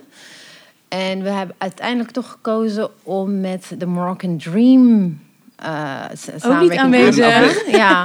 Voor, de, voor volgend jaar, je kan beter niet aanwezig dat zijn. Nee, maar om het even goed te motiveren. Het is kijk, omdat ze juist in Marokko zitten en they don't have the necessary tools die wij hier met z'n allen in Nederland hebben om echt een mooie podcast te maken over hoe het is om terug te gaan naar het land van herkomst en met mensen te praten. Ook in een regime waar je niet altijd vrij uit kan praten. Dus dat, dat was eigenlijk de doorslaggevend eh, besluit. En ook because we're here, omdat wij vriendjes zijn met Dag en Nacht Media, kunnen we ook de andere, de andere twee ik wil het woord verlies niet. We, we can always get in touch with other people. Dat wij jullie kunnen helpen om het echt verder te ontwikkelen. Maar we had to choose. En we zijn voor de Moroccan Dream gegaan. Dus ik ben, ik, het wordt ook een moeilijk, denk ik, een vrij moeilijk samenwerking. Want we moeten bellen en zoomen. En er gaat in ieder geval En- nu ook een Zoom P4 naar Ja. Marokko toe. Ja, ja kijk, dus eh, we gaan kijken hoe, of zij daar de juiste mics hebben, de technical. eh, dus het, het, het, het wordt echt een uitdaging, maar daarom ook eh, heel erg spannend. Ja, heel tof. Ja. Ook een groot applaus via de stream Ja. dan voor Moroccan Dream.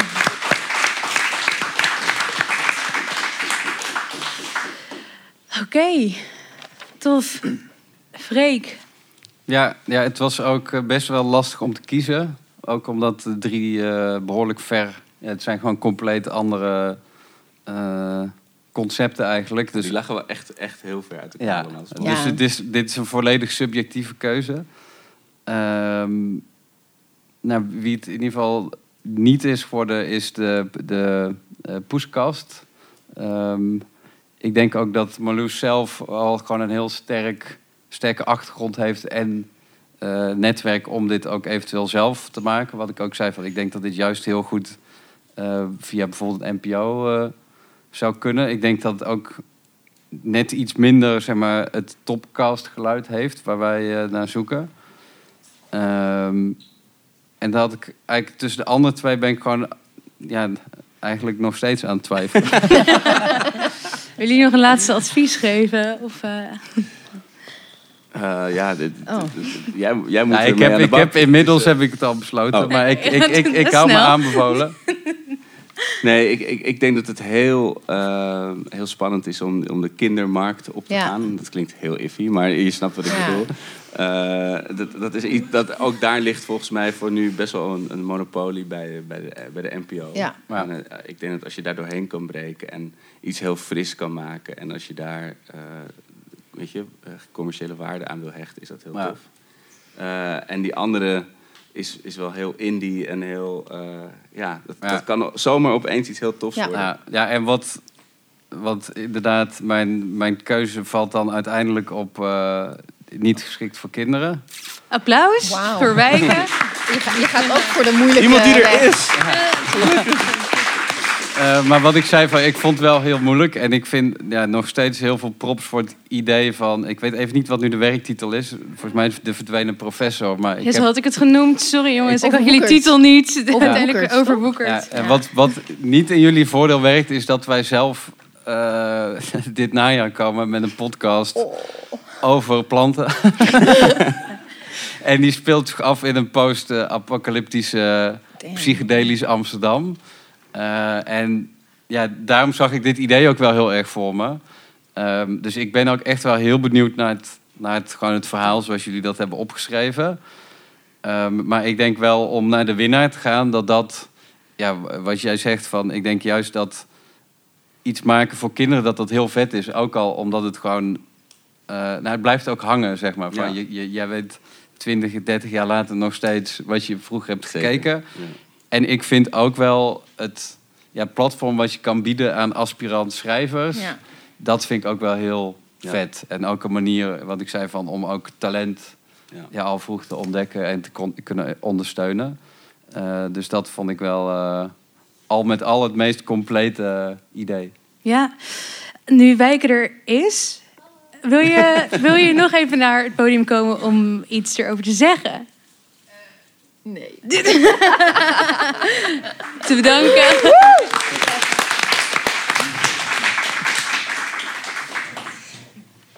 Even kijken, we moeten in de mic blijven praten, want het wordt opgenomen. Daar staat een mic voor je.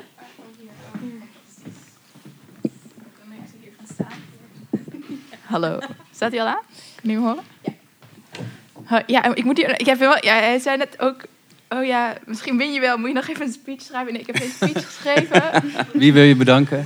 ja, iedereen. Nou, dankjewel. Nee. Ehm, ja, nou ben ik hier. Ehm, ik vind het superleuk. Want mij lijkt het heel leuk om hem te maken. Ik, mij lijkt het ook vooral ook heel leuk om inderdaad met, met schrijvende studenten samen te werken hier aan. En om, dan- om dan dus te gaan ontdekken van, ja, hoe gaan we dat dan doen? Zo'n spannend verhaal. En hoe gaan we dat dan brengen? En dat je dan hun een platform kunt bieden om dan ja, hun, ja, weet ik veel, eerste verhaal aan een groter publiek te brengen door stemacteurs of misschien door mezelf als ik het goed kan. eh, Want jij, wat dat stond in de pitch, dat je ook, je hebt een paar ook gestudeerd, toch? Ja.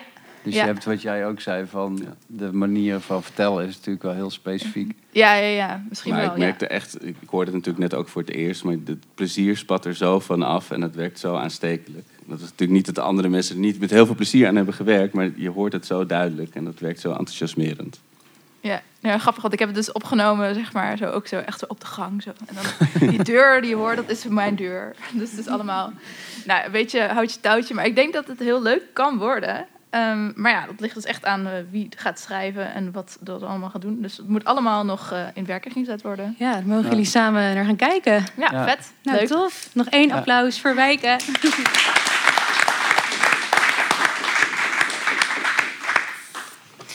Oké, nou dan zijn we tot een, eh, tot een einde gekomen. Ehm EBC. Oh.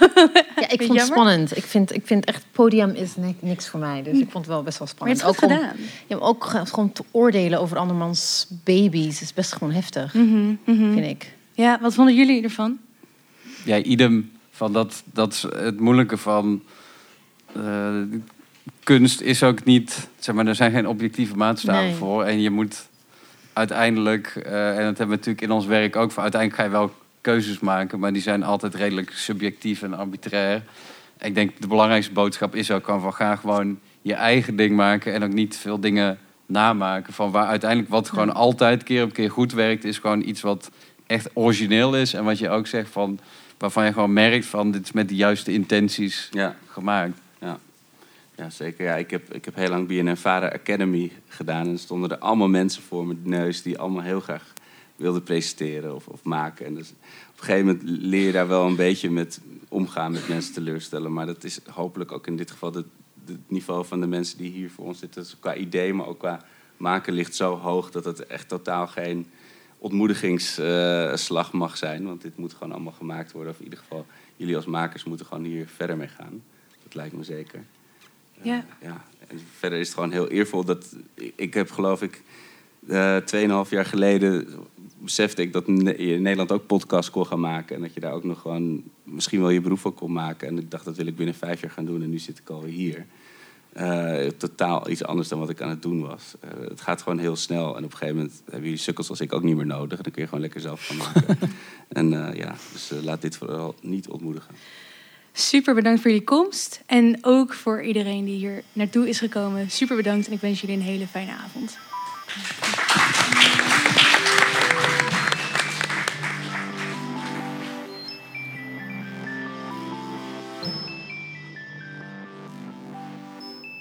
Bedankt voor het luisteren. Het Podcast Festival 2021 is een initiatief van het Podcastnetwerk en wordt mede mogelijk gemaakt door het Stimuleringsfonds voor de Creatieve Industrie, Fonds 21, het Prins Bernhard Cultuurfonds, de European Cultural Foundation, het Nederlands Letterenfonds, gemeente Nijmegen, gemeente Utrecht, gemeente Groningen en het internationaal bezoekersprogramma van het Nieuwe Instituut. Het programma werd gepresenteerd in samenwerking met Potgrond, Forum Groningen, Tolhuistuin, Are We Europe, de Nieuwe Oost Wintertuin en het International Literature Festival Utrecht. Vergeet je niet te abonneren op de podcastfeed.